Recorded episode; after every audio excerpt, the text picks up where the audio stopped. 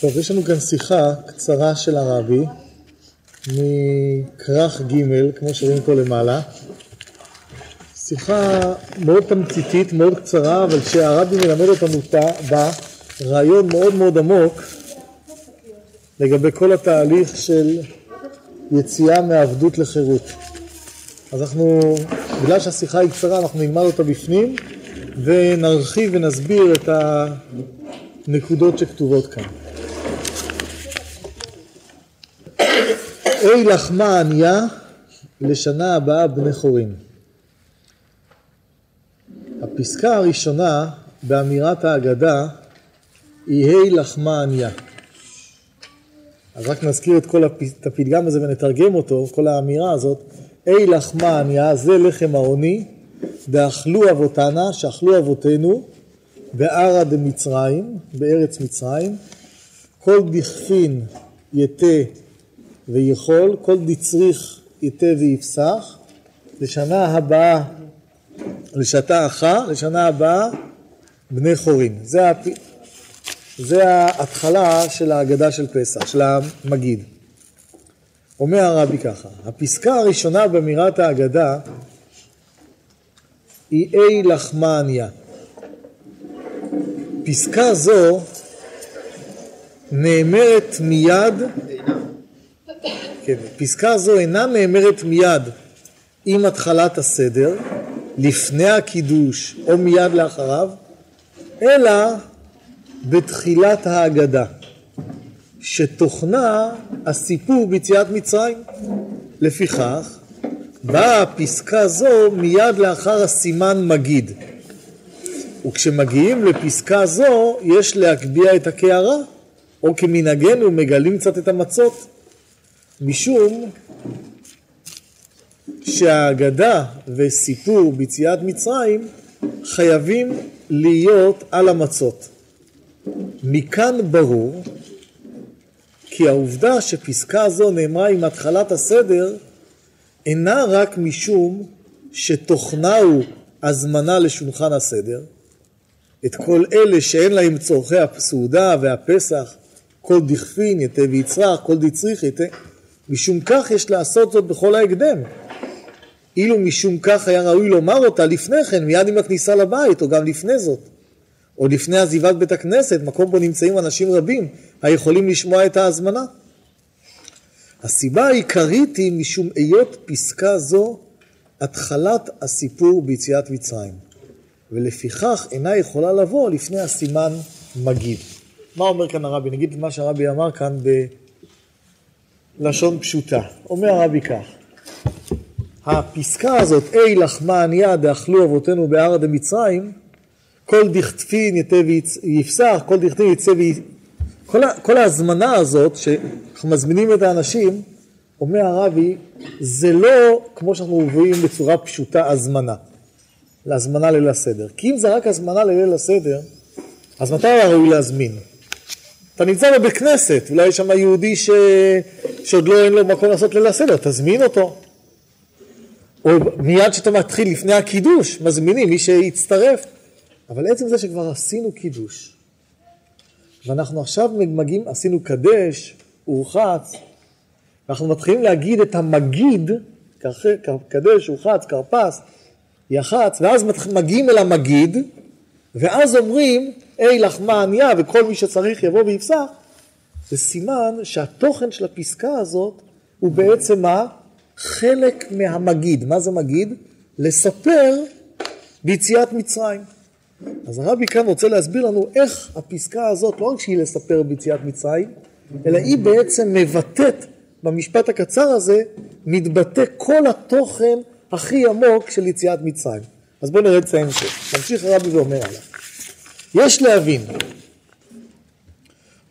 מדוע נקבעה הפסקה אי לחמה ענייה במסגרת מגיד, זו שאלה ראשונה. ויתר על כן, מהפרט שפסקה זו מהווה את התחלת ההגדה, משתמע שבהי לחמה ענייה רמוז כללות הסיפור. הרי לפי הנוסח המקובל, אין, לכאורה אין, לפי הנוסח המקובל, אין מסופר כאן לכאורה כלל בקשר ליציאת מצרים. מה אומר כאן הרבי? אומר פה הרבי ככה, אנחנו צריכים להגיד קודם כל שזה שייך לסיפור יציאת מצרים, ויותר מזה כנראה טמון כאן כללות הסיפור, כי תמיד בהתחלה נותנים את הכלל. אז אם זה משפט ההתחלה, אז כנראה טמון כאן כללות הסיפור של יציאת מצרים, אבל הרבי אומר, אבל כשאנחנו מסתכלים על הפשט של האמירה הזאת, מה היא קשורה עם סיפור יציאת מצרים? כל מה אנחנו בעצם אומרים? שאכלנו את המצות האלה במצרים, וכל מי שרוצה יבוא ויאכל, אז שעכשיו אנחנו פה, שנה הבאה בארץ ישראל, בארץ ישראל או בירושלים. אז מה, מה, מה זה שייך לסיפור יציאת מצרים? האמירה הזאת. ובכל אופן הרבי כאן טוען לנו תעלה, שבתוך המשפט הזה טמון הסוד של כל יציאת מצרים, שכבר אנחנו מתוך זה אנחנו נבין בהמשך השיחה, שאם פה טמון הכלל של כל יציאת מצרים, אז גם טמון כאן הכלל של כל יציאת מצרים הפרטית של האדם. כל המעבר מעבדות לחירות טמון בתוך המשפט הזה. ממשיך רבי ושואל שאלות. כן יש להבין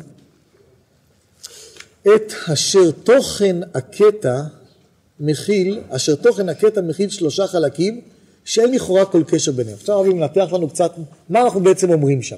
ויש שם לכאורה, אומר הרבי, שלושה חלקים שאין ביניהם קשר, לכאורה. בהמשך השיח אנחנו נבין איך זה לא רק שיש קשר ביניהם, אלא זה קשר מאוד מאוד עמוק ומשלים. מה החלק, מה החלק של אותם משפט? החלק הראשון, א', הודעה כי המצה המונחת על השולחן היא לחמה ענייה שאכלו אבותינו בארץ מצרים. זה החלק הראשון. A, לחמה ענייה, ויאכלו אבותנה בארץ מצרים. מה אנחנו דבר ראשון אומרים? זה לחם העוני שאכלו אבותינו בארץ מצרים. זה דבר ראשון. ב', הזמנת כל הרעבים והנצרכים לבוא ולהשתתף בעריכת הסדר. כל דכפין יתה ויפסח. זאת אומרת, מה אנחנו כאן אומרים? מזמינים את השני, זה החלק השני. החלק השלישי, בקשה וביטחון שלמרות שהשתה אחת, שהשנה אנחנו פה, והשתה עבדין, השנה אנחנו עדיין עבדים, הרי לשנה הבאה אנחנו נהיה בארץ ישראל, בארד ישראל, ונהיה בני חורים. אז מה בעצם התוכן כאן של הפסקה? לכאורה הפסקה הראשון, החלק הראשון זה שאנחנו, זה המצות שאכלנו במצרים, הדבר השני הזמנה, והדבר השלישי ביטחון שאנחנו נהיה בעתיד בארץ ישראל. עכשיו לכאורה מה זה קשור עם סיפור יציאת מצרים? זה הרי התוכן. מה זה? הרב, הרבי הרי שאל כאן שכל המושג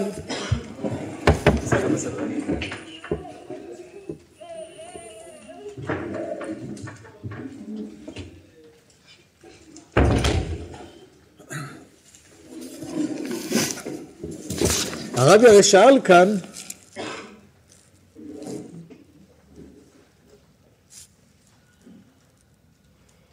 כן, אז מה הקשר בין הפסקה הזאת לכל העניין של הסיפור של יציאת מצרים, שמזה התחלנו פה את הסיפור. פסקה ב'. עכשיו כאן הרבי מביא איזה פירוש שהוא בפני עצמו, אבל הרבי לא יישאר בפירוש הזה. פרשנים שונים, אומר הרבי, מסבירים את הקשר בין שני החלקים הראשונים, שהגמרא אומרת שעל הסוחר פועלים יהודים לזון אותם בשעת עבודתם, ברם, אבל מאחר שבני ישראל הם בני אברהם, יצחק ויעקב, שהם בני מלכים, או כביטוי המתאר את בני ישראל כמלכים אפילו, לא כבני מלכים, ואפילו אם ייתן לפועליו כסעודת שלמה בשעתו, לא יצא ידי חובתו כלפיהם, אין למעביד אלא מוצא אחד, להתנות עמהם מראש את המזון שייתן להם, פת וקטנית וכולי. והוא הדין בקשר להזמנת ליל פסח. כיוון שזה שעומד להזמין יהודים, כל דכפין יתה ויכול, כל דצריך יתה ויפסח, ויודע שבאים לאכול הינם בני מלכים או מלכים, ואף אם ייתן להם כסעודת שלמה בשעתו לא תספיק, הרי הוא מקדים ומבהיר, אי לחמה הניה, ועל הלחם זה הוא מזמינה, ויותר ממנו אינו מחויב לתת. אז יש מפרשים שמסבירים, אני אסביר את זה עוד פעם בלשון יותר פשוטה, שמה הסיבה שאנחנו מתחילים פה את ההזמנה הזאת שמזמינים את כולם, באי לחמן יד יכלו אבותינו בארץ מצרים. שאנחנו כמו מתנצלים. מה אנחנו מתנצלים? כשאתה מזמין יהודי לליל הסדר, אתה אומר כל דצריך, היהודים הם בני מלכים, או אפילו אומר פה הרבי מלכים. עכשיו, מלכים היה ראוי, הם היו ראויים לקבל, אפילו סעודת שלמה בשעתו לא הייתה מספיקה להם. מאיפה לומדים את העניין הזה? יש הלכה שהרבי כאן מביא אותה, שאם אדם סוחר פועלים לעבוד אצלו, הוא חייב לתת להם ארוחה. זה חלק מהתנאי העסקת. עכשיו, כיוון שהוא חייב לתת להם ארוחה, איזה ארוחה הוא צריך לתת להם? הוא שכר פועלים. איזה ארוחה הוא צריך לתת להם? אז מעיקר הדין הם ראויים בעצם עכשיו לארוחה הכי מכובדת שיכולה להיות, סעודת שלמה בשעתו. עכשיו, זה לא בטוח שהוא רוצה או יכול לתת להם כזאת סעודה. אז לכן יש לו, הוא חייב להתנות עמהם מראש, הוא אומר להם, תראו, אתם תאכלו אצלי פת, קטנית, ככה וככה, זה הסעודה שאני מתחייב. חלק מחוזה השכירות, הוא צריך גם להתנות מה הוא נותן להם כאוכל. למה? כי אם הוא לא מתנה מה הוא נותן להם כאוכל, אז בעצם הוא היה ראוי לתת להם, כן, כסעודת שלמה בשעתו. אז אומר הרבי, ככה, ככה מסבירים אותם מפרשים, שזה בעצם הסיבה שאנחנו מתחילים את אמירת ליל הסדר, שאי לחמן יד אכלו אבתנה בארץ מצרים, זה הלחם העוני, כי עכשיו אנחנו בפסח, אז זה האוכל שיש, אז מילא בזה מתחילים. ככה הרבי, ככה מסבירים המפרשים את התחלת ההגדה במושג הזה, אבל זה הרבי שואל. אלא שלפי ביאור זה, היה די באמירת אי לחמניה. ולשם מה באה התוספת, אבתנה בהר במצרים. שואל הרבי על זה, לכאורה זה מסביר לנו למה זה לחם עוני, אבל מה זה משנה שאכלו אבותינו בארץ מצרים? זה הלחם של פסח. מה צריך לספר שאכלו אבותינו בארץ מצרים? ואשר, ואשר לקשר שבין החלק השני ובין החלק השלישי, כל דכפין ועם אשתא אחא רוצים מפרשים להסביר, להסבירו במאמר חז"ל, גדולה צדקה שמקרבת את הגאולה, ובזכות הזמנת העניים ונתינת האפשרות להם לערוך הסדר, יכול ויפסח תבוא הגאולה לשנה הבאה בערד ישראל ובני חורי. המפרשים גם מסבירים, אחרי שהם הסבירו את הקטע הראשון של ההזמנה, ולמה אנחנו אומרים זה, שזה לחם עוני, יש גם הסבר למה אתה גם אומר לשנה הבאה בערד ישראל ושנה הבאה בני חורין.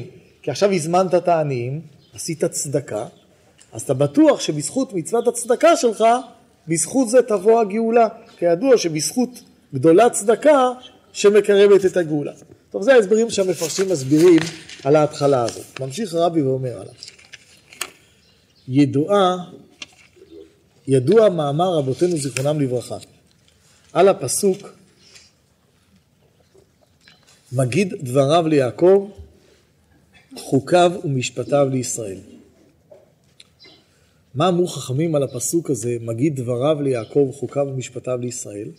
מה שהוא עושה, הוא אומר לישראל לעשות. מה אמרו חכמים? כשהקדוש ברוך הוא אמר לעם ישראל לעשות מצווה מסוימת, הוא בעצם עושה את הדבר קודם. מה שהוא עושה, הוא אומר לישראל לעשות. מה זאת אומרת מה שהוא עושה, הוא אומר לישראל לעשות? הכוונה שלפני המצווה יש גילוי אלוקי למעלה שמבטא את אותה מצווה.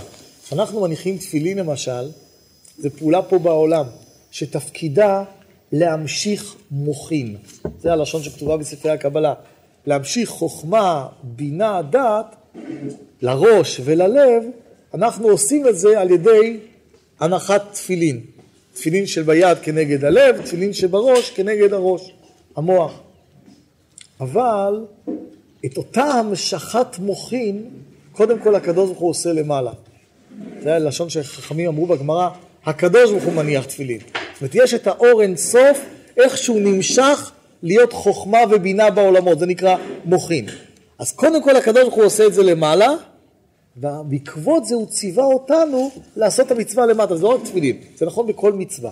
אז ממילא כשמגיעים נגיד בליל הסדר, אז אנחנו עכשיו צריכים לצאת מעבדות לחירות, זה המצווה שלנו, או לאכול את המצה וכך הלאה, אז גם למעלה יש את האורות העליונים, את הגילוי של הקדוש ברוך הוא, שמכין, זה נקרא מה שהוא עושה, הוא אומר לנו לעשות. אנחנו לא, לא יצאו בהגשמה. מה? בעצם פה הגשמה, הרי לעליית תפילין צריך יד. זה? כתוב בתורה שיש לקדוש ברוך הוא יד גדולה. אז אתם מגשים אותה, אנחנו הגוף. אנחנו לא הגשמנו, אנחנו כתוב בתורה. בני ישראל ראו את היד הגדולה אשר עשה השם במצרים, אז הם ראו יד או לא ראו יד? יש לו יד, מה עם הראש? יש איזה לשון של חכמים, שישראל אומרים אמן יהיה שמי רבה, הקדוש ברוך הוא מנענע בראשו.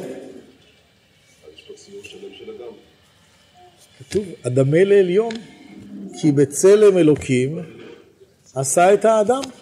בצלם, האדם שלמטה נברא בצלם אלוקים למעלה. כמובן, אנחנו רק צריכים להבין את זה, שזה לא כפשוטו גוף ודמות הגוף, אלא מה זה בצלם אלוקים, וזה המושג יד וכולי, או המצוות שהקדוש ברוך הוא עושה, יש סדר של התגלות של האור האלוקי, סדר המשכה, שהקדוש ברוך הוא דרכו, הסדר הזה של ההמשכה, שהקדוש ברוך הוא מאיר ודרכו הוא מנהיג את העולמות, זה נקרא עשר ספירות, שהם בציור, לא גשמי, של מבנה מסוים של חוכמה ובינה, זה המידות של השם, חסד, גבורה, אז מידת החסד של השם נקראת יד.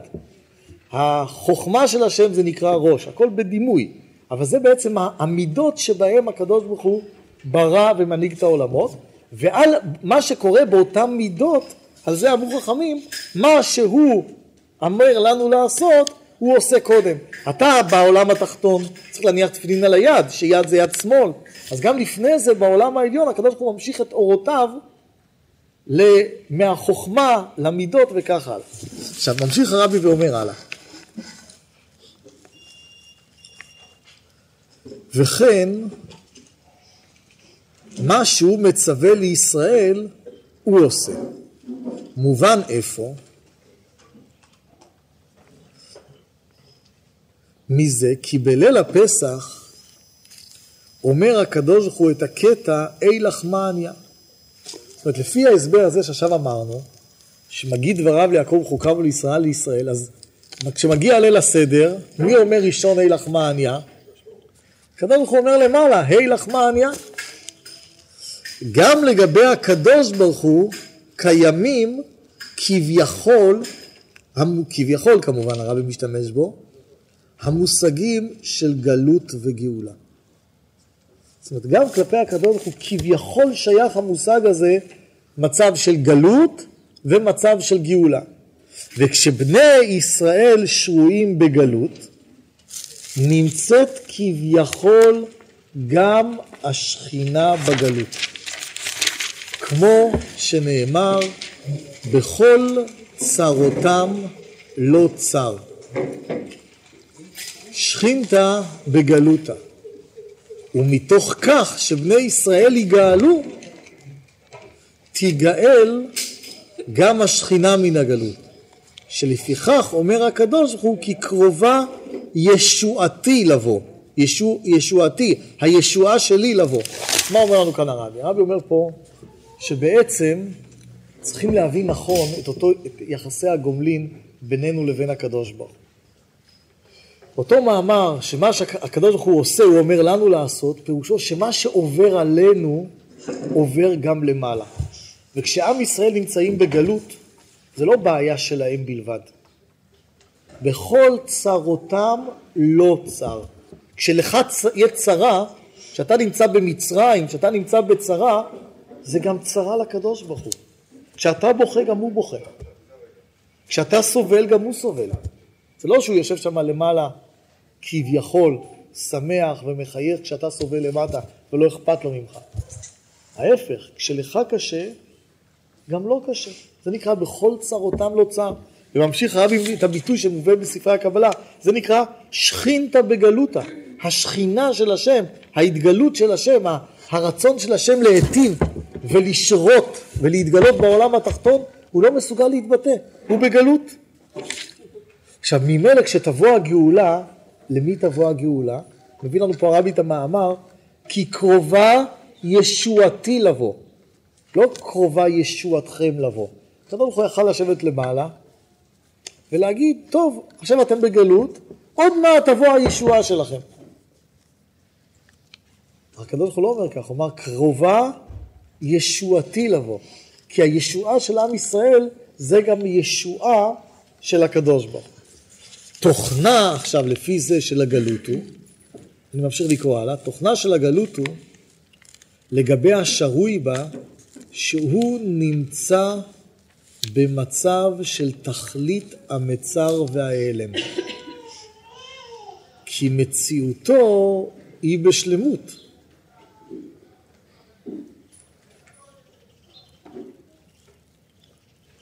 כי זו גם המשמעות של גלות למעלה, שלמרות שגם בזמן הגלות מצויה בכל נברא החיות האלוקית המקיימת ומחיה אותו תמיד בכל רגע ורגע, אין היא נראית לגמרי. היא במצב של מצר והלם. כיצד נהייתה הגלות שלמעלה? בגלל הגלות בבני ישראל. אומר הרבי, מה זה בעצם גלות לגבי מי שנמצא בתוך הגלות? שגלות פירושו, שאם מסתכלים למטה, האדם נמצא בהיעלם, במצר והיעלם. עכשיו, מה הכוונה שהוא נמצא במצר והיעלם? לא שהוא לא נמצא. אתה באמת נמצא, אתה באמת שלם בפנימיות שלך.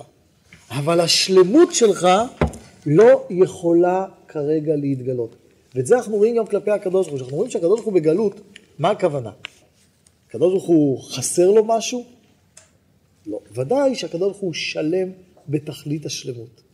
אבל שלמותו לא יכולה להתגלות. וכיוון שהשלמות שלו לא יכולה להתגלות, הוא רוצה להשפיע ולהעיר, זה נקרא שהוא בעצם בגלות. זאת אומרת, הגלות זה לא גלות בעצם המציאות. זאת אומרת, פה אנחנו צריכים להבין שהמושג גלות, וגם כל הסבל שמתלווה לגלות, זה לא מצב של חיסרון עצמי. אדם שהוא בגלות הוא לא פחות שווה מאדם שהוא לא בגלות. אנחנו מסתכלים על בן אדם, הוא עכשיו בגלות. אז מה, לכן הוא לא, הוא לא שווה? אין בו ערך? לא. בפנימיות הוא אותו דבר. רק מה פירושו שהוא בגלות? ששלמותו הפנימית לא יכולה להתגלות. עכשיו, זה בדיוק הקשר גם בינינו לבין הגלות של הקדוש ברוך הוא. כשהקדוש ברוך הוא ודאי נמצא ושלם כל הזמן, בתכלית השלמות, אבל מה זה בעצם הגלות של הקדוש ברוך הוא? ששלמותו וטובו האינסופיים לא יכולים להתגלות. עכשיו, מה גורם, אומר הרבי, מה גורם לגלות למעלה? הגלות למטה. כשעם ישראל לא מגלים את שלמותם, כשהם מכניסים את עצמם, הם מתכחשים לעצמם, הם מכניסים את עצמם לגלות, זה גורם שעם ישראל חוטאים ומכניסים את עצמם לגלות מפני חטאינו גלינו מארצנו. ומה זה חטא? עשינו, לא, לא עשינו מה שאנחנו צריכים לעשות. ולא רק שלא עשינו מה שאנחנו צריכים לעשות, זה נקרא חטא כפשוטו, אלא החטאנו את מה שמוטל עלינו, החטאנו את המטרה, החסרנו את מה שאנחנו בעצם צריכים לעשות, זה גורם כביכול לטוב של הקדוש ברוך הוא שלא יוכל להתגלות. דבר זה, עכשיו את ההסבר הזה שעכשיו הסברנו, שגלות זה בעצם גלות למטה, הדבר שלם אבל הוא לא מתגלה, וזה אותו דבר גלות למעלה, בהנהגה של השם. אומר הרבי, זה ההסבר של התחלת האמירה של אילך מניה. בואו נראה את זה בפנים. דבר זה מתבאר, את הרעיון הזה, מה זה גלות? דבר זה מתבאר בחלק הראשון של הפסקה אי לחמה ענייה. בגלל העניות בדעת שביהודים אין אני אלא בדעת, נגרם די אכלו אבתנה. נאכלת כביכול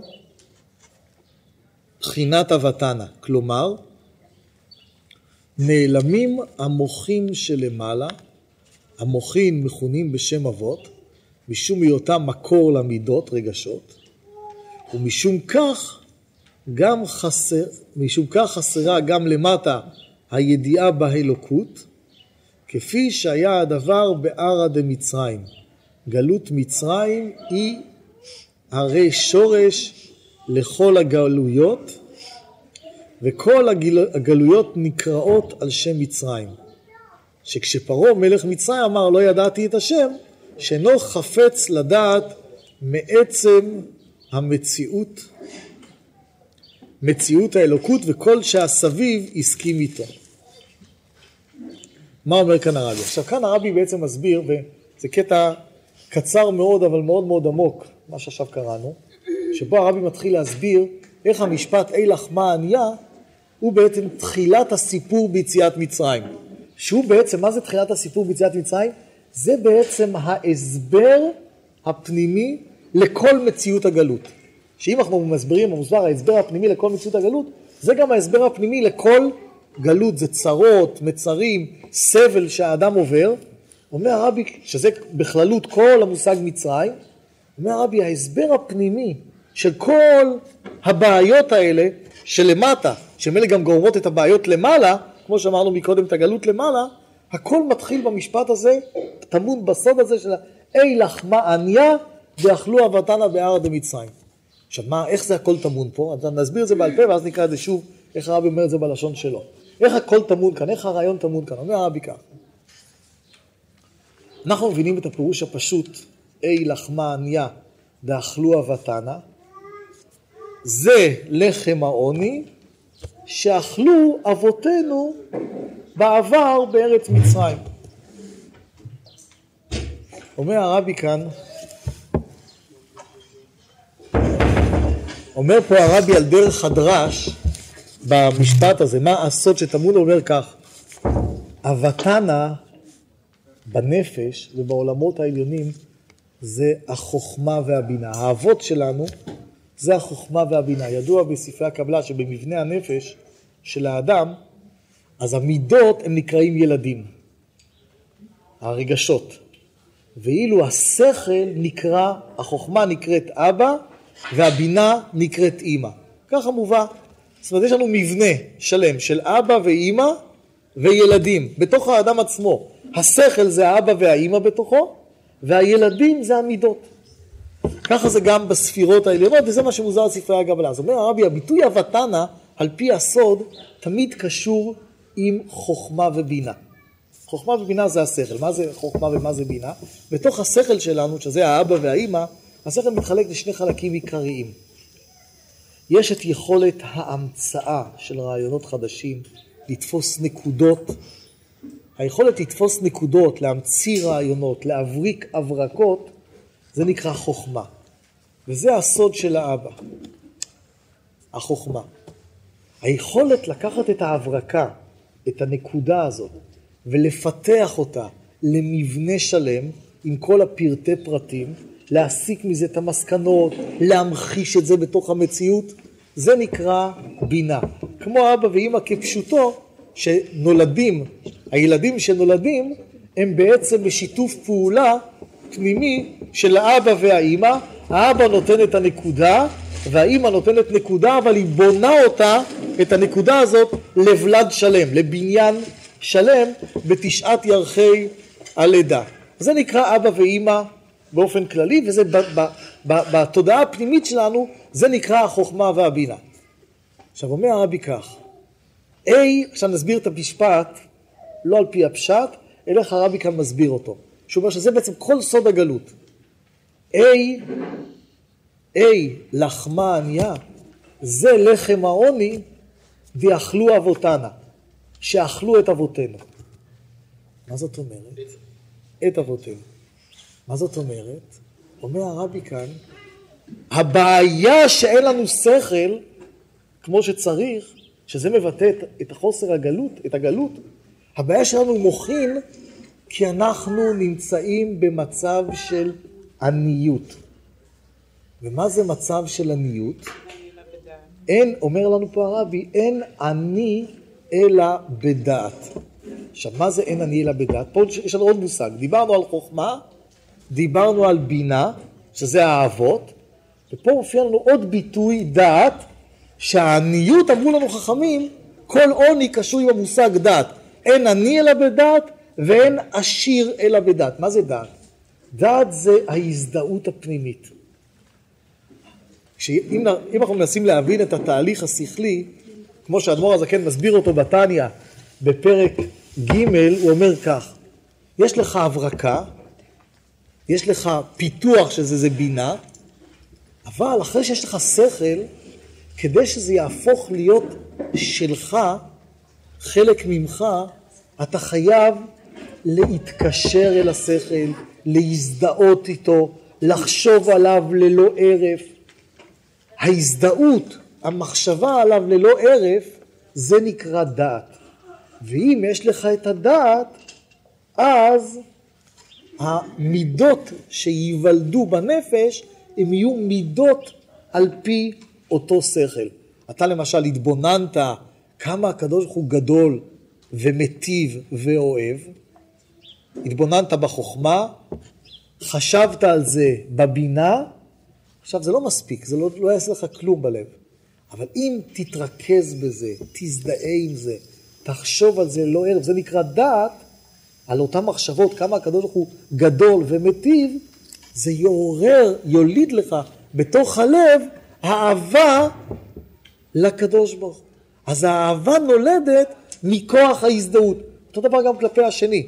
אדם יכול להסתכל על השני, על החבר שלו, יש עליו מצווה לקיים ואהבת לרעך כמוך, אדם צריך להסתכל על הסובבים אותו ולאהוב אותם, ואהבת לרעך כמוך, ודאי הוא צריך לאהוב את בני ביתו בתוך הבית שלו, איש ואישה צריכים לאהוב אחד את השני, צריכים לאהוב את הילדים אהבה אמיתית, אבל צריכים גם לאהוב בכלל, ואהבת לך כמוך, לאהוב כל יהודי.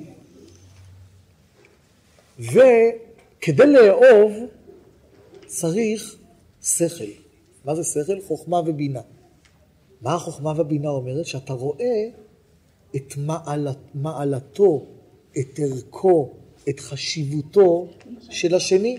אם אתה לא רואה את מעלותיו, אם לגביך הוא כלום, איך, את מה תאהב? אדם תמיד אוהב את מה שהוא אומר לו שהוא בר ערך, שהוא שלם, שהוא, שהוא רואה שלמות, הוא מתקרב. אהבה זה התקרבות פנימית. למה אדם מתקרב? לדבר טוב, לדבר שלם. ולמה אדם נדחה ומואס ומתרחק? מדברים לא טובים, דברים שלמים, דברים שמאיימים עליו, אז הוא מפחד מהם ונדחה מהם. עכשיו, אם התורה אומרת לנו, ואהבת לרעך כמוך, זאת אומרת שאתה קצת צריך בעצם להבין שרעך הוא שלם, הוא נעלה, הוא בר ערך. ואז כשאתה תדע שכל יהודי הוא בר ערך, כל יהודי הוא שלם, אתה תהיה מסוגל מה? לאהוב אותו. אז קודם כל צריך את החוכמה ואת הבינה, זה האהבות. אבל לא מספיקים ההבנה הזאת, החוכמה והבינה של מעלתו של השני, צריכים גם דעת. מה זה הדעת?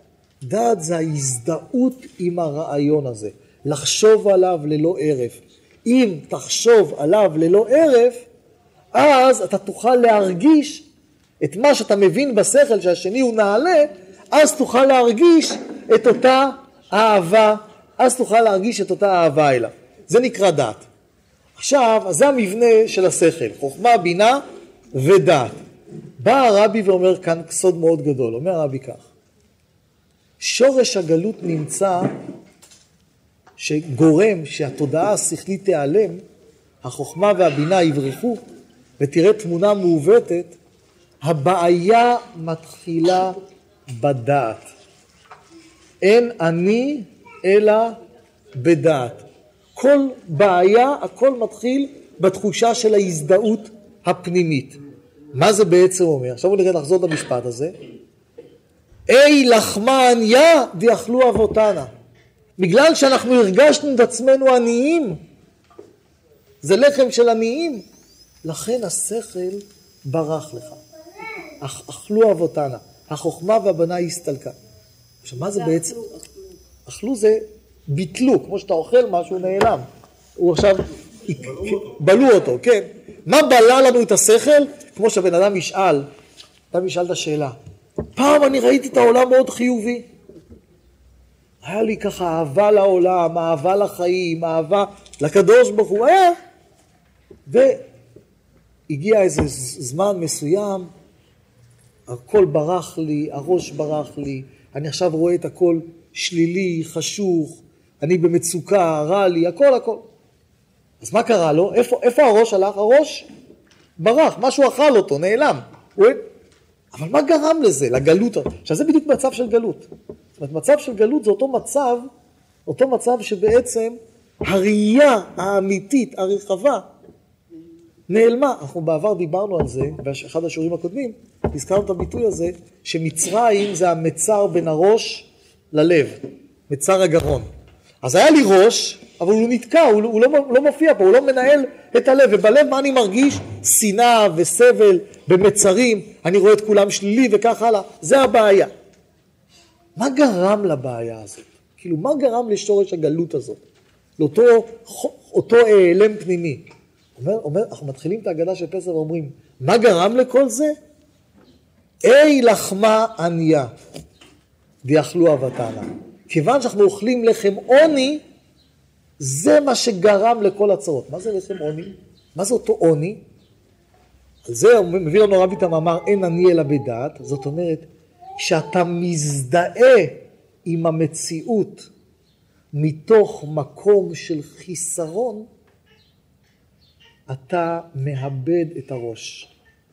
כשאתה, מז... נגיד עכשיו נגיד יותר פשוטות את הרעיון הזה.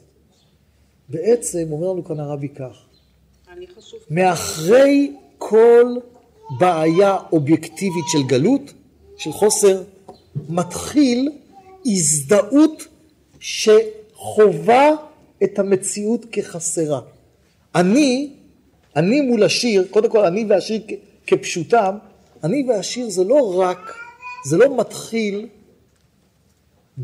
באופן אובייקטיבי אם יש לו או אין לו, אלא זה מתחיל איך הוא ניגש למציאות שלו. מי שמרגיש את עצמו חסר, הוא יהיה חסר.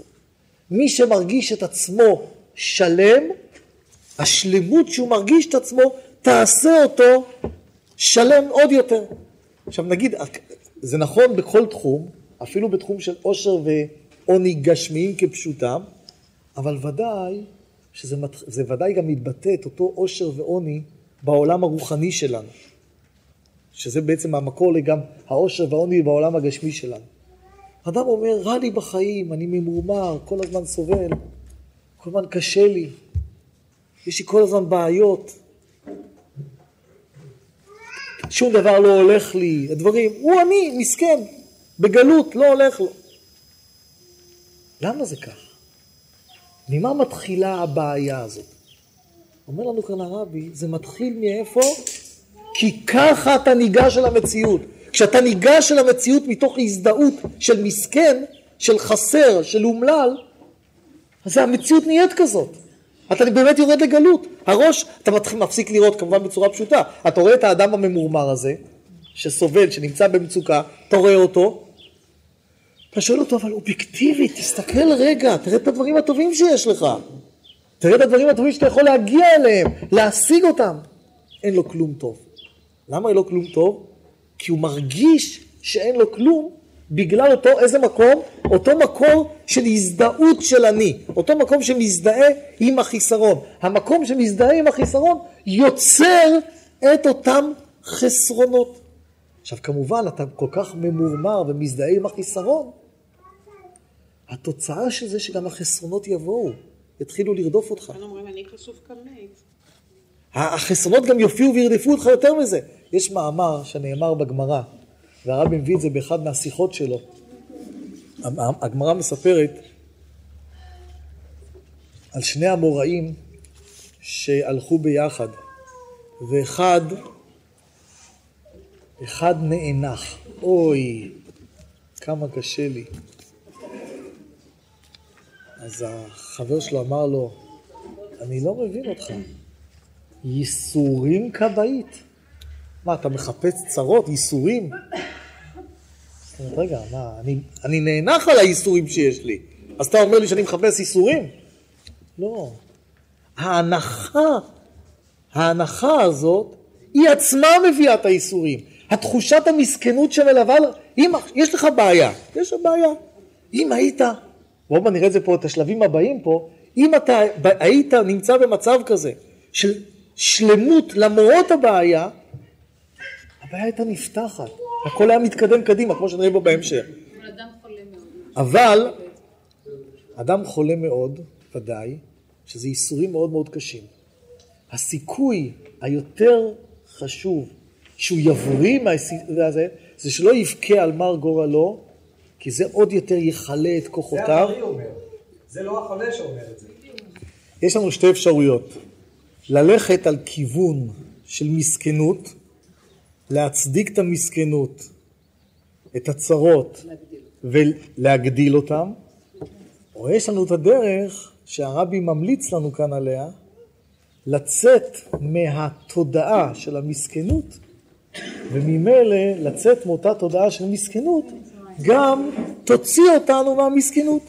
ובאמת, מי יכול להגיד לנו כאלה עצות? הוא אמר כאן נכון מאוד.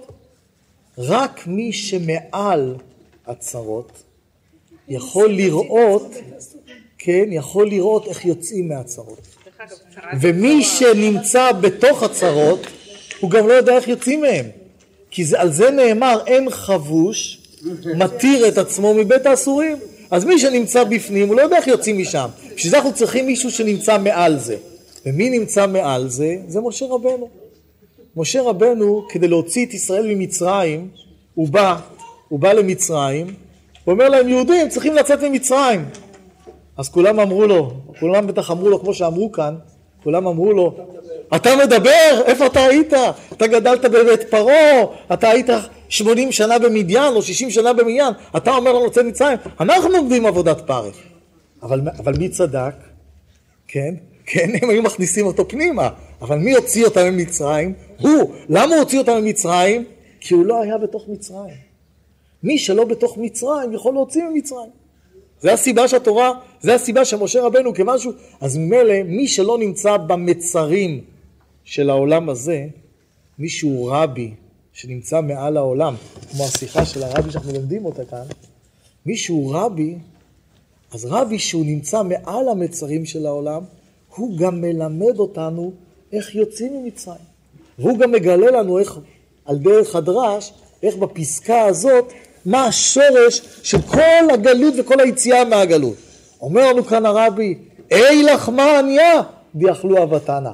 אין לך ראש, כי אתה מרגיש את עצמך כעני. ואתה מרגיש את עצמך כעני, אז הדעת, ההזדהות היא מתוך מקום של עוני, ממילא, בגלל ההזדהות הזאת, החוכמה והבינה וכל ראיית המעלות בעולם מתבטלת. עכשיו, מתוך זה כמובן, אנחנו צריכים לראות, וזה מה שהרבי יסביר לנו פה בהמשך, אז מה השלבים שיוצאים משם? אז בואו נראה את זה בהמשך, אבל קודם כל אני אקרא את מה שעכשיו הסברתי, אני רוצה לקרוא פה בפנים בלשון של הרבי. אז אני קורא שוב בפסקה השלישית בעמוד כ'. דבר זה מתבאר בחלק הראשון של הפסקה, זאת אומרת, מה מתבאר? המהות של הגלות, מה גרם לגלות, שהגלות שלנו היא גרמה לגלות שלמעלה, גם הקדוש ברוך הוא בגלות, אז מה מתבאר? אי לחמה ענייה. אומר הרבי, בגלל העניות בדעת שביהודים, כיוון שהם עניים, מרגישים את עצמם חסרים, ואין עניות אלא בדעת, זו אותה הזדהות של חיסרון, נגרם דיאכלו אבתנה. זה גרם נאכלת כביכול בחינת אבתנה. המוחין נאכלים. מה זאת אומרת? כלומר, נעלמים המוחין למעלה. הראש שלך נעלם. כל הראייה הנכונה נעלמת. ומה זה המוחין? המוחין מכונים, כמו שאמרנו בעל פה, בשם אבות. המוחין זה האבות משום היותם מקור למידות. ומשום כך חסרה גם למטה הידיעה באלוקות כפי שהיה הדבר בארץ במצרים. כיוון שהמוחים מסתלקים, אז כבר לא רואים כלום, לא רואים את ה... שאם היינו רואים את האלוקות בכל דבר, אז היינו רואים כמה העולם הוא טוב. איך הקדוש ברוך הוא, העולם הוא עולם של גאולה, אבל אין לא רואים את זה. למה לא רואים את זה? כי המוחים נסתלקו. אומר הרבי, גלות מצרים היא הרי שורש לכל הגלויות. וכל הגלויות נקראו על שם מצרים. וכשפרעה, מלך מצרים אמר, לא ידעתי את השם, שאינו חפץ לדעת מעצם מציאות האלוקות, וכל שסביב הסכים איתו. זאת אומרת, מה זה גלות מצרים? אומר הרבי, מה היה במצרים? מה הדבר הכי עיקרי? פרעה שהוא מלך מצרים, וגלות מצרים זה שורש לכל הגלות, זה גם אומר לנו מה המהות של כל הגלויות, שפרעה, מלך מצרים, אומר לא ידעתי את השם. אתם מספרים לי סיפורים שיש איזה אלוקים טוב, אחד, שנמצא בכל מקום, והוא אומר לכם, לא, אני לא מכיר, אני לא מכיר את הדברים האלה, אני מכיר עולם אחר. מה אני מכיר? אני מכיר אלוקים, אלוקים אחר. מי זה האלוקים? אני. פרעה החזיק את עצמו כאלוקים, זה האלוקים שהוא הכיר. אתם אומרים שיש אלוקים? לא ידעתי, אני לא יודע, לא, לא מכיר את האלוקים. בסוף הוא לא ברירה, הוא ידע. עוד מכה ועוד מכה ועוד מכה, בסוף הוא הבין. אז כבר, זה מה שכל מטרת המכות, זה מה שהתורה אומרת, שידעו מצרים כי אני השם, בסוף הם בסוף הם ידעו. אז המכות לימדו אותם שבסופו של דבר הקדוש ברוך הוא הוא המציאות. אומר הרבי, כל המושג של גלות זה חוסר ידיעת האלוקות. זה מה שכאן הוא אומר. וחוסר ידיעת האלוקות פירושה חוסר ידיעת הטוב שבמציאות, כי האלוקים הוא טוב. כשאומר לנו אדמו"ר הזקן בתניא, על הביטוי בלית אתר פנוי מיני, אין מקום שבו הקדוש ברוך הוא לא נמצא. אומר אדמו"ר הזקן בתניא באיגרת י"א, כיוון שלית אתר פנוי מיני, אין מקום שהקדוש ברוך הוא לא נמצא, פירושו מה זה אומר? שבכל מקום, או כל דבר שנמצא בכל מקום, הכל הוא טוב בתכלית. כי אם הקדוש ברוך הוא נמצא בו והקדוש ברוך הוא טוב, אז מילא הכל טוב. רק אתה לא רואה את זה, כי אתה לא רואה פה את השם. עכשיו, האי יכולת לראות, להבין את הדברים, מתחילה בהזדהות החסרה, ההזדהות של האני. הגאולה של, אנחנו ממשיכים לקרוא הלאה, הגאולה שלמעלה באה הרי על ידי גאולתם של בני ישראל. משום כך באה לידי ביטוי בחלק השני של הפסקה. הבקשה וההבטחה אותה משמיע הקדוש ברוך הוא לכל יהודי. כל דכפין יתה ויכול. למרות חושך הגלות, מבטיח הקדוש ברוך הוא שכל יהודי הרעב לאלוקות, ישביע הקדוש ברוך הוא את רעבונו. עכשיו אומר הרבי, עכשיו פה נלך לשלב השני. השלב הראשון הוא שאתה עני. אי לחמה עניה דאכלו אבתם. אתה מרגיש חיסרון. עכשיו, הרגשת החיסרון הזאת היא הבעיה שלנו. אבל מה עושים עם הרגשת החיסרון הזה? אוקיי, אז בפועל אני, אני בדעת, בפועל אני נמצא בתוך תחושה של חיסרון. אבל מה עושים עם זה? באה האגדה ואומרת, אנחנו לא מתעלמים מעובדה שאנחנו עניים. לא מתעלמים. אבל מה? כל דכפין יתה ויכול. אם אתה רוצה, רוצים להאכיל אותך. אתה עני, כן? אתה נמצא עכשיו, אין לך ליל הסדר. אבל כל דכפין יתה ויכול. אם אתה רק רוצה, תבוא לאכול. עכשיו, מה זה אומר? הרבי כאן לא מסביר את זה פה בהרחבה, אבל מה זה עצם הסוד הזה אומר? מה הרבי כאן מתכוון כאן? הרבי אומר, השלב הראשון שיוצאים, הרי תיארנו למה אתה בגלות. אתה בגלות אתה בגלות בגלל התודעה החסרה שלך, כי אתה עני. אבל את אותה תודעה חסרה אתה צריך להפנות לכיוון הנכון. כשאתה תפנה את זה לכיוון הנכון, אתה כבר התחלת לצאת. מה ההבדל בין אני שמפנה את זה לכיוון הנכון, את החיסרון שלו, לבין אני שלא מפנה את זה לכיוון הנכון? אני שלא מפנה את זה לכיוון הנכון אומר, רע לי, רע לי, רע לי. אומרים לו, תשמע, יכולים לעזור לך.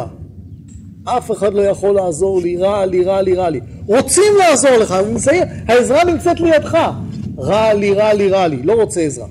זה אני שהוא נמצא בתוך החיסרון ושוקע בו. אז הוא, הוא בשלמות של גלות. אבל מה, מה, מה עושה, איך יוצאים מהגלות הזאת? מהגלות הזאת יוצאים באופן כזה שאתה מרגיש רע לי, חסר לי, ואז אתה שומע, כל דכפין יתה ויכול. אם אתה רוצה, ימלאו לך את החיסרון. אם אתה רוצה, אם אתה רוצה, ימלאו לך את החיסרון. מה זאת אומרת? אתה עכשיו יושב בליל הסדר, אתה תאכל בשר ודגים, ואתה הולך להיגאל כאן. זאת אומרת, כל דכפין ייתי ויכול. מה זאת אומרת כל דכפין ייתי ויכול? אם אתה רק רוצה, יש מי שרוצה למלות אותך. אז הנכונות... מה? מי זה שרוצה למלות אותך? הקדוש ברוך הוא. הקדוש ברוך הוא אומר לך, זה מה שהרבי כאן אומר, הגאולה באה מתוך הידיעה, שזה כבר ידיעה אחרת לגמרי. הגאולה באה מתוך הידיעה שהקדוש ברוך הוא רוצה לגאול אותך. הקדוש ברוך הוא רוצה למלא את החיסרון שלך. כן? אז אם אתה רוצה, אתה פונה אליו. עכשיו זה כלל, עוד פעם, אנחנו נסביר את זה קצת יותר לעומק. הכלל הזה אומר שתחושת החיסרון הבסיסי צריכים להפנות אל הקדוש ברוך הוא. ברגע שאתה מפנה אותה, אתה הופך אותה לתפילה, לתוך, מתוך אמונה שהקדוש ברוך הוא יכול למלא את החיסרון שלך, יש לך צרה. אחד, ההלכה, אחד ההלכות שיש מצווה מהתורה להתפלל בעת צרה. אנחנו מתפללים שלוש תפילות ביום, אבל מהמצווה, מתרי"ג מצוות, זה להתפלל בעת צרה. מה זאת אומרת? כשיש לאדם צרה, יש לאדם, צרה זה מצרים, חסר לו, יש לו צרה. אז הוא יכול להגיד, אני בתוך צרה וזהו, מה לי להתפלל? אני אמצוא, אף אחד לא יכול לעזור לי. יש, הבעיה של הצרות זה תחושת הייאוש. ובעומק היצר הרע הוא כל כך עמוק, שבאיזה מקום הוא גם מרגיש, אפילו אולי, אולי אם הוא יהודי מאמין אז הוא מתבייש לה, שהמחשבה הזאת תעלה בראש שלו, אבל הוא מרגיש באיזה מקום שאפילו הקדוש ברוך הוא לא יכול לעזור. הוא בתוך צרה, לא משנה, יכול, אפילו שזה נראה דבר מאוד קטן או גדול, אבל בתוך תחושת הצרה זה מין תחושה שאפילו הקדוש ברוך הוא לא יכול לעזור לך. ככה זה, ככה אדם מדמיין. הטעות הזו, הטעות עומדת סביב אותה נקודה שכשאתה מרגיש, כל צרה נועדה כדי שתפנה לקדוש ברוך. וכדי לפנות אל הקדוש ברוך הוא צריך לפנות מתוך תחושה בהירה וברורה, שהוא כל יכול, ואם רק תבקש הוא יכול למלא את החיסרון. הידיעה שהקדוש ברוך הוא כל יכול ויכול למלא... שנייה, שנייה. הידיעה שהקדוש ברוך הוא כל יכול ויכול למלא את החיסרון שלך, היא כבר גורמת, עושה משהו אחר לגמרי את תחושת החיסרון. זאת אומרת, הדיכאון או תחושת החיסרון הופכת להיות אנרגיה אחרת לגמרי ברגע שאתה מעביר אותה לכיוון כזה פנימי של תפילה. אומר הרבי, זה תחילת הגאולה. אז רק בוא נבין פה את הרעיון עד הסוף וניתן מקום לשאלות. אז מה, מה בעצם אומר פה הרבי? אומר הרבי ככה, הקטע הראשון של ההגדה מספר לנו את סיבת הצרות שלנו. אי לחמה ענייה, אתה עני ויאכלו אבותנה. אבל מיד אחרי זה בא כל דכפין ייתי ויכול. אם אתה רוצה, כמו שעם ישראל במצרים, התחילו לצעוק לקדוש ברוך הוא, אז התחילה הגאולה לבוא. הגאולה התחילה לבוא שהם התחילו לצעוק. גם, ככה גם אתה. כואב לך, חסר לך, שאתה מפנה את הכאב הזה לתפילה, לא סתם תפילה, אתה לא מדבר עם הקיר, אתה מתפלל מתוך אמונה ברורה שכל דכפין ייתי ויכול, הקדוש ברוך הוא תבקש ויזמין אותך, תבקש וישלים את החיסרון שלך.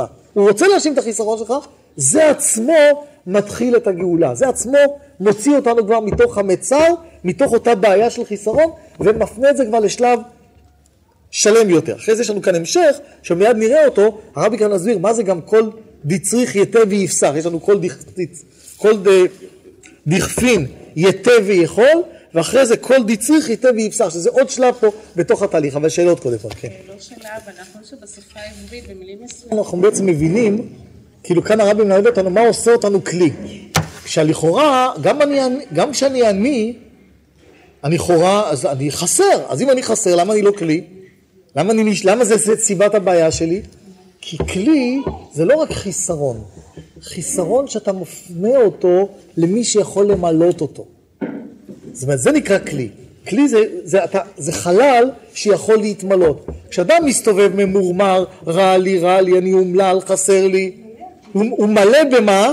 כן? בסבל שלו, והוא לא מרגיש את החיסרון האמיתי שבתוך הדבר. הוא כאילו עכשיו, הוא חסר לכאורה, הוא נורא סובל, אבל הוא סגור בתוך אותה תחושה של סבל. אבל כשהוא מבין שכל סבל זה רק לפנות אל הקדוש ברוך הוא שיכול לעזור לו, אז החיסרון הופך להיות חיסרון שיכול להתמלות. זה, זה נקרא שהופך להיות כלי. אותו חיסרון, ואז, ולכן לכן הגדרנו את זה כתפילה, כי בדיוק זה הסוד של תפילה. תפילה זה אין מתפללים אלא על מה שחסר לך, אבל אתה צריך, החיסרון זה לא סתם, תפילה זה לא, זה לא אנשים שמתפללים שלוש פעמים ביום, אנשים אומללים שכל הזמן מבטאים מה שחסר להם, כן? מדברים כל הזמן, זה בדיוק הפוך, תפילה זה בעצם התקווה הכי גדולה, כי כל תחושה של חיסרון, אתה מפנה אותה אל הקדוש ברוך הוא, וזה תחילת הגאולה שלך. זה מה שאומר לנו כאן, זה כאילו מה שהגדה רומזת, כל דצריך, אם אתה צריך משהו, יתה ויכול. מה זה יתה ויכול? תלך להתפלל. אם אתה צריך, תפנה אל הקדוש ברוך הוא, וזה יתחיל להוציא אותך מהצרה. בואו נמשיך הלאה. סליחה, כן, כן. רבי אומר שהסיבה לעניות הלאה. כל זה, אבל, אינו נכלל אלא בגדר די מחסורו. ניתן לו ליהודי, אומר הרבי הלאה, כל זה, אנחנו בפסקה האחרונה בעמוד כ', כל זה אבל אינו נכלל אלא בגדר די מחסורו. ניתן לו ליהודי מה שחסר לו כדי שלא יהיה רעב, אבל אין כאן עדיין עשירות. אלא כשהיהודים מקבלים די מחסורם, נוצר אצלם מושג נעלה יותר ודרושה להם גם העשירות. ועל כך נאמר בהמשך הדברים, כל דצריך, כל הזקוק ודרושה לו השירות, יקבל גם אותה. יתה ויפסח. הרי הפסח נאכל על השובע. אין כאן עניין של השקטת הרעב, שכן אדם זה שבע מכבר, כי מניין של השירות, דרך חשיבות וגדולה, נעלה מידי מחסורו. כאן הרבי אומר שוב, בשורות הקצרות האלה, אומר עוד איזה רעיון מאוד מאוד עמוק. אומר הרבי כך, יש. בפנייה הפנימית כלפי הקדוש ברוך הוא, של המצוקה, שדרכה אתה יוצא מהגלות כפשוטה, שאתה רק נמצא בתוך המצוקה, שזה השלב הראשון, ויאכלו אבתנה, אז השלב השני אמרנו זה אתה כל דצריך, כל uh, דכפין יתה ויכול, כל דכפין יתה ויכול, תפנה את המצוקה שלך לקדוש ברוך הוא, תדע שהוא יכול לעזור לך. עכשיו, מה הוא יעזור לך? לפתור את הבעיה, את מה שחסר לך. זה עדיין, בתודעה הזאת, חסר לך, ואתה פונה אליו שיעזור. חסר לך לחם, אז הוא ייתן לך לחם. חסר לך שמחה, הוא ייתן לך שמחה. חסר לך בריאות, הוא ייתן לך בריאות. תדע שכל מה שחסר לך, תפנה אליו. אבל, אומר הרבי, עדיין בתוך זה טמון מגבלה מסוימת. חסר לי ואני מקבל. זה נקרא בלשון שלגבי צדקה, כשמישהו חסר, חסר, אז צריכים לתת לו די מחסורו אשר יחסר לו. מה שחסר לו צריכים לתת לו. אבל אתה לא צריך לתת לו מה שלא חסר לו, וזה בלשון של חכמים, אבל אי אתה מצווה לאשרו. אם מישהו חסר לו, חסר לו אוכל, צריך לתת לו אוכל, חסר לו יותר מזה, צריך לעזור לו גם יותר מזה, כשזה חסר לו. אבל אתה לא מצווה, לא מצווה לעשות אותו עשיר. שמה זה עשיר? לתת לו ללא גבולות, שיהיה לו מעבר לכל חיסרון. זה אין, אין מצווה במצוות צדקה. אומר הרבי, אותו דבר גם הקדוש ברוך הוא. כשאתה מרגיש חסר, ואתה מפנה את החיסרון אל הקדוש ברוך הוא, הוא ימלא את החיסרון שלך. כל, כל דכפין יתה ויכול, אבל הקדוש ברוך הוא לא מחויב לעשות אותך עשיר. עשיר פירושו לתת לך טוב ללא גבולות, שזה נקרא עושר. עושר זה הרבה, שיש לך הרבה יותר ממה שחסר לך, בלי קשר למה שחסר לך. אתה, אתה לא, הקדוש ברוך הוא לא מחויב לתת לך את זה, הרי ביקשת מתוך מקום חסר, מה פתאום שתהיה עשיר? ואז בא הרבי ואומר, ובאה האגדה אומרת לנו עכשיו עוד שלב. אחרי כל דכפין יתה ויכול, אומר לנו כאן הרבי, בא השלב הבא, כל דצריך יתה ויפסח. מסביר הרבי, מה זה פסח? פסח, קורבן הפסח, הוא היה נאכל על השובע. אכלו את קורבן פסח לא כי רעבים, ההפך, כולנו זוכרים איך אכלנו את האפיקומן. מי שהיה רעב אז לא היה רעב, אחרי שאכלת ואכלת את המצות, את כל הארוחה, אז אתה אוכל את האפיקומן, אתה מרגיש שבע כולך, אז למה אתה אוכל? לא כי אני חסר, אני אוכל בגלל שלמות, בגלל התענוג שיש בזה, אבל יש תענוג שהוא מעבר להשלמת חיסרון. עכשיו, פה אנחנו, המושג הזה הוא לא פשוט אצלנו בתוך העולם שלנו.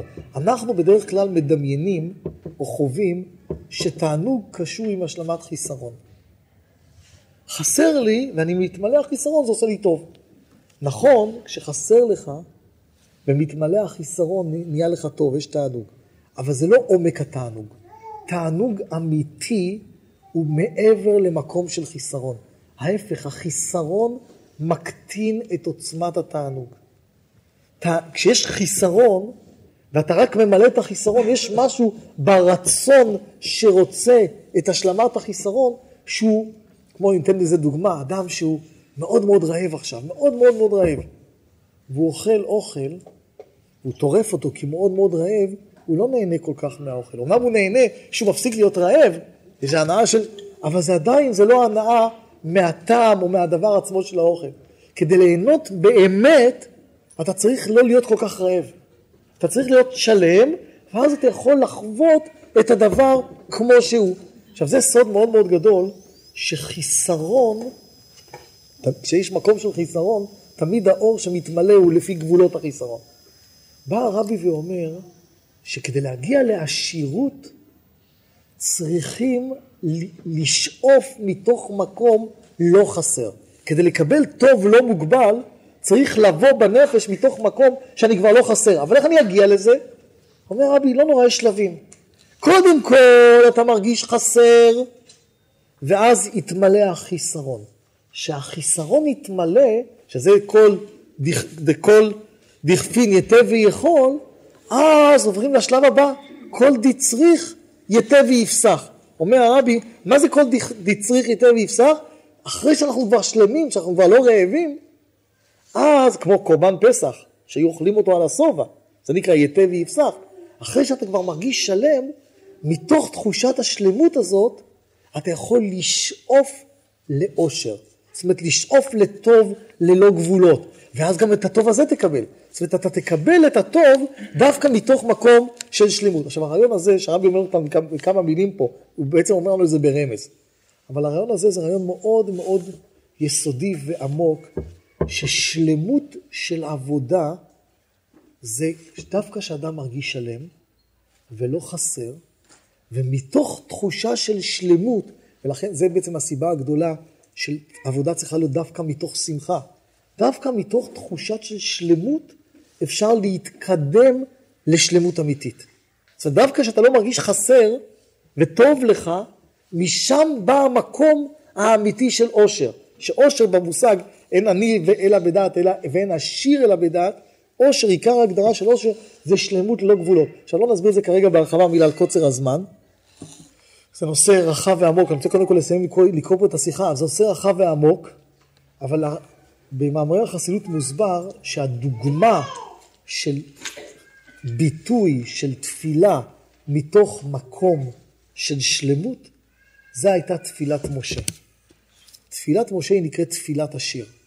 הוא התפלל מתוך מקום של שלמות, לא מתוך מקום חסר. מקום של שלמות זה מקום שמרגיש שבעצם לא חסר כלום, העולם הוא תכלית הטוב, המציאות שלי היא טובה, לא חסר לי שום דבר, ומתוך אותה שלמות מגיעים לטוב שבאין ארוך, שזה נקרא עושר אמיתי, עושר לא גבולות. זה נכון, זה נכון לבוני נשימות עם חסרונם? לקבל את זה? כן. עכשיו כאן, אז כאן כתהליך, עוד פעם, בעזרת השם אנחנו נסביר את התהליך הזה קצת יותר בהמשך, אני קודם כל רוצה לסיים פה את השיחה, אבל כתהליך בעצם מסביר לנו הרבי שכאילו התהליך של היציאה מעבדות לחירות מתחיל, עוברת שלבים. שלב ראשון, תבין שהחיסר, קודם כל אם אתה מרגיש חסר אתה נהיה חסר. זה, הבא, זה הדיאכלו אבות הלאה. אחרי זה שלב ראשון, לפחות תבין שהחיסרון יכול להתמלות, זה שאתה פונה לקדוש ברוך הוא בתפילה. אחר כך אומר הרבי אתה צריך להרגיש מלא, ומתוך המלאות הזאת, שאתה מרגיש חסר, מלא, דווקא מתוך המלאות הזאת אתה יכול להגיע לאושר אמיתי. אני לא יכול להיות, יש בדיחה שמספרים אותה, שרק תמחיש לנו מה קורה לאדם שמונע יותר מדי במקום של חיסרון. מספרים שפעם איזה מוכר סדקית שהיה עובר ממקום למקום ומוכר כ... מוכר מחטים ומרוויח מרוויח פרוטות מהמחטים שלו, פעם הוא הציל את המלך. הוא הציל את המלך, היה לו איזו הזדמנות, הוא הציל את המלך, המלך קרא לו לארמון ואמר לו, תשמע, אני חייב לך את החיים שלי, כל מה שאתה רוצה, אני מוכן לתת לך. מה שתבקש עכשיו. אתה רוצה, מה שתבקש. עושר אחי, מה שתבקש אני נותן לך. חצי מדינה, כל המדינה, מה שאתה, אתה הצלת את החיים, אני מוכן לתת לך הכל. אז הוא חושב ומתלבט ומתלבט, מה הוא יבקש מהמלך? יש לו עכשיו את ההזדמנות פז, הזדמנות החיים שלו. ואז הוא הגיע למסקנה, מה הוא יבקש מהמלך? כשהוא מוכר את המחטים שלו, היה, היה עוד אחד שגם הוא מוכר מחטים מידו. והוא גונב לו חצי מחט שהוא מוכר, הוא גם. ואז הוא ביקש, אומר, תגזור גזרה שלשני יהיה אסור למכור בטריטוריה שלי. זהו, זה מה שאני רוצה, ש... שאני אמכור את המחטים. ו... עכשיו זה, זה הראש, זה הראש של העני שנשאר בגבולות, נשאר בגבולות, גם כשהוא כבר פונה, הוא פונה מתוך מקום של חיסרון. ואז כמובן, אם זה המקום, אז מה המלך עשה כמובן? אנחנו לא יודעים, אבל כנראה מה שהוא עשה, הוא לא נתן לו וילה וכולי או דברים אחרים. כי הוא אומר, אתה לא שייך לזה בכלל, אם המוח שלך נמצא בדברים האלה, טוב, אז, אז, אז, אז נגזור שלא, כן? כי אם אתה מבקש מכזה מקום, אז ככה, זה מה שאתה תקבל, אתה לא שייך לי יותר מזה. ייתנו לך יותר מזה, אתה לא יודע מה לעשות עם זה. אבל אם הוא היה בא מתוך מקום של שלמות, אז היה מבקש מתוך מקום של שלמות. זה בעצם הסוד של עושר. אז זה מה שכאן הרבי מסביר לנו. אז יש את ההתחלה, כל דכפין יתה ויפסע, אה, כל, דיץ, כל דכפין יתה ויכול. זה השלב הראשון שצריכים, אבל אחרי שהתמלאת, אתה חייב להתפתח, דווקא אחרי שאתה מלא, לשאיפה אמיתית שבאה מתוך המקום של העושר. ממשיך הרבי ואומר הלאה לפי זה, ומה מסיים את אותו פסקה? ובהמשך הדברים,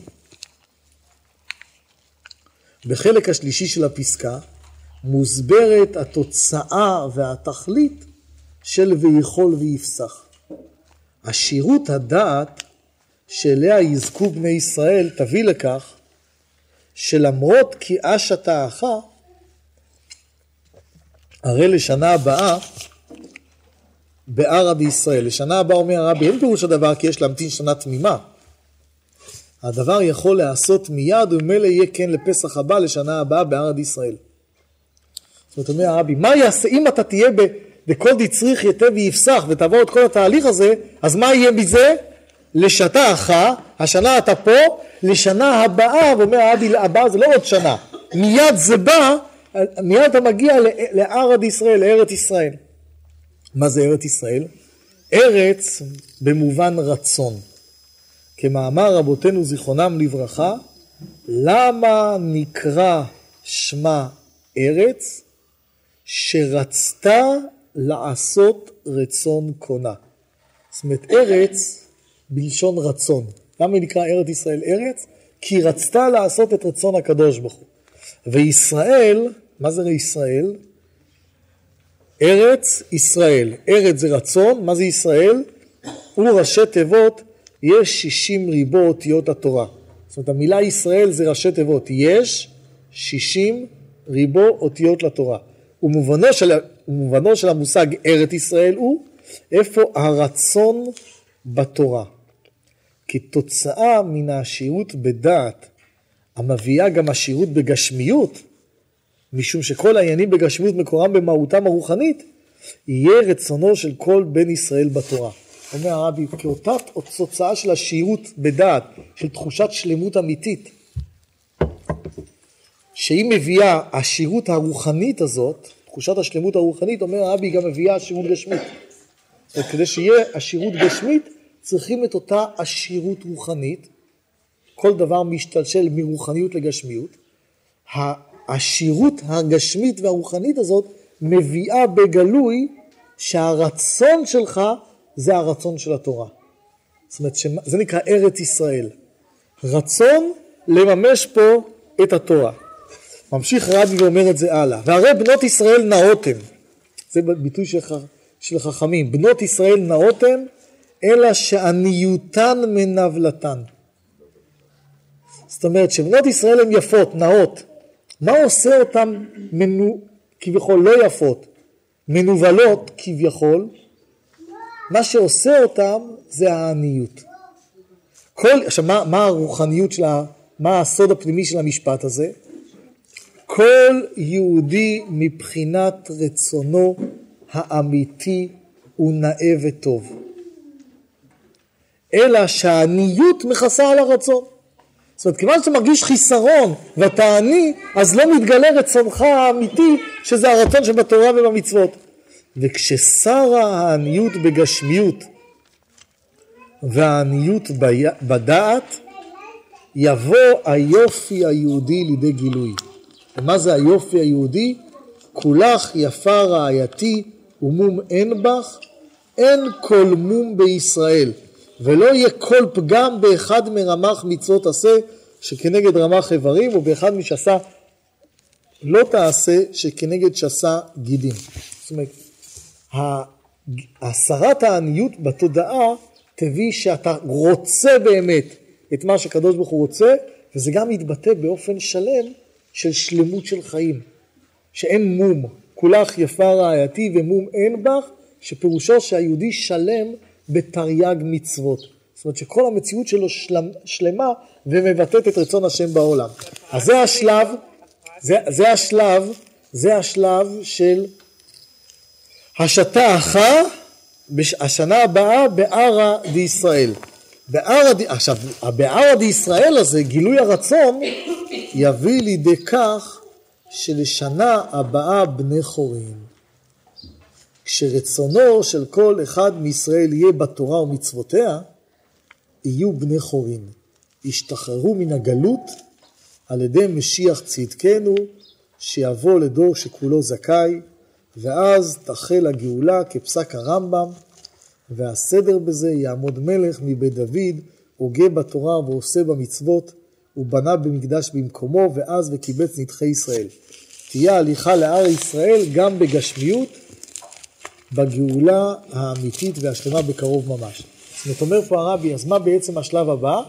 השלב הבא, מתוך השתה אחת לשנה הבאה בארד ישראל, מתוך ארץ ישראל, מגיעים השתה אחת לשנה הבאה בני חורין. בני חורין זה החירות האמיתית של הגאולה שתהיה על ידי ההתגלות של מלך המשיח. זאת אומרת, מה יוצא לנו כאן? בעצם אומר לנו כאן הרבי שהסוד של אותה פסקה קצרה בעצם מתחיל עם הסיבה העמוקה לכל הגלות. על לחמן יד אכלו אבתנה, התודעה של העניות גורמת את כל הגלות, מסתיים במה? בבני חורין, זה הגאולה העתידה, ויש בתוך, מההתחלה לסוף הזה, לגאולה השלמה, יש את הסדר של העבודה. שהסדר של העבודה, אומר הרבי כאן לפי הסוד שהוא הסביר לנו, זה מתחיל איך למרות המצוקה אנחנו מבטאים את החיסרון כלפי הקדוש ברוך הוא, אחר כך מרגישים שלמות, שהשלמות הזו דווקא מגלה לנו את רצוננו האמיתי. יהודי יכול להיות, לחשוף את רצונו האמיתי רק מתוך מקום של שלמות. זה הסוד שכתוב כאן. דווקא מתוך אותה עשירות הוא יכול לרצות את מה שהוא באמת רוצה, ואחר כך מתוך גילוי הרצון האמיתי של היהודי, הוא באמת מגיע לגאולה האמיתית והשלמה. אז כמו שאנחנו שמים לב, יש לנו כאן הסבר מאוד מאוד עמוק בתהליך שמעביר אותנו מתודעה של גלות, שזה תודעה של חיסרון, לתודעה שלמות של בן חורין, וכל התהליך שצריכים לעבור בתוך הסדר הזה, שהרבי כאן רומז לנו את זה בתוך הדברים, את אותו תהליך, ולכן הרבי מסיים פה את השיחה, ועל פי זה יובן גם הפרט שבפסקה זו, גם הפרט שפסקה זו נקבעה כהתחלת סיפור יציאת מצרים. כי פסקה זו מכילה את כללות הסיפור של יציאת מצרים. אומר הרבי, לכן התחילו את ההגדה עם הפסקה הזאת. למרות שכנראה היינו צריכים לחכות לרבי שיסביר לנו למה התחילו את ההגדה עם הפסקה הזאת, כן? אבל בכל אופן, בכל אופן, אומר לנו כאן הרבי, בפסקה הקצרה הזאת שאיתה התחילו את המגיד, זה לא סתם להזמין אנשים לליל הסדר, כמו שהרבי שאל, כי אם זה להזמין אנשים לליל הסדר, היו צריכים לעשות את זה בבית כנסת, בזמן הנכון, לא לעשות את זה ב... אחרי שהתחלת להגיד את ההגדה. אלא בפסקה הזאת בעצם טמון כל הסוד הפנימי של אותה יציאה מעבדות לחירות, ולכן ממשיך רבי, כמוזכר לאל, הרי מצרים היא שורש לכל הגלויות. ויציאת מצרים היא שורש לכל הגאולות עד לגאולה העתידה, שתהיה בכמה פרטים דומה ליציאת מצרים. ככתוב, כי אמת צאתך מארץ מצרים הראינו נפלאות. ותכלית הסיפור ביציאת מצרים היא לעורר בבני ישראל את האמונה בכלל, בשעה שיש מצע לפניך, מחלה דמאמנותא, ואז את האמונה בביאת משיח בייחוד, והאמונה תביא את הגאולה בפועל, כפי שהיה ביציאת מצרים, שבזכות האמונה נגאלו אבותינו מצרים. זאת אומרת, אומר לנו פה הרבי, גלות מצרים היא שורש של כל הגלויות, גאולת מצרים היא השורש של כל הגאולה, גם הגאולה העתידה, וממילא, כשאנחנו מספרים ביציאת מצרים, כשהמצב והמרור לפנינו, זה בעצם נועד לעורר בנו את האמונה ואת הציפייה וגם את הגישה הראש... הנכונה שצריכים לגשת, כמו שאנחנו רואים פה כרגע, שהיא עצמה, האמונה והביטחון, יביאו אותנו אל הגאולה העתידה. וכשמתבוננים במצב בו נמצאים, כשחושך הגלות הולך וגדל מיום ליום, כמאמר הגמרא, אין יום שאין צרתו, פורענותו מרובה מחברו, כל יום שזה נראה לכאורה יותר גרוע מהעבר, עלולים הרי להתייאש. לשם כך באה ההודעה בתחילת אמירת ההגדה, שלמרות חושך, גודל החושך, מתחנן כביכול הקדוש ברוך הוא לפני כל יהודי, שיהיה אצלו מצב של דכפין ויצריך. שימו לב לביטוי של הרבי. שרק יבקש מן הקדוש ברוך הוא. ואילו הקדוש ברוך הוא מצדו מבטיח לו לא רק את ויכול, לא רק שהוא ייתן לו, ישלים את החיסרון, אלא גם את המבסח. ועל ידי כך יגיעו לארד ישראל, יהיו בני חורים בקרוב ממש. זאת אומר לנו פה הרבי, שצריכים להבין את העומק, אנחנו נמצאים בחושך מאוד מאוד גדול, וכל יום הפורענות, הצרה גדלה מחברו, אבל הקדוש ברוך הוא מתחנן אלינו שנצא מההסתכלות המדוכאת הזאת של עניות הדעת ונסתכל אחרת ונבקש ממנו מתוך ידיעה שהוא יכול לעזור לנו ונבקש ונגיע לתחושה של שלמות ונבקש גם את העשירות כל, כל דצריך היטב ויפסח כי אם נבקש נגיע דווקא מתוך אותו תהליך של שינוי פנימי מתוך זה הוא יוכל להביא לנו הוא יביא לנו את הגאולה האמיתית על ישראל ובני חורים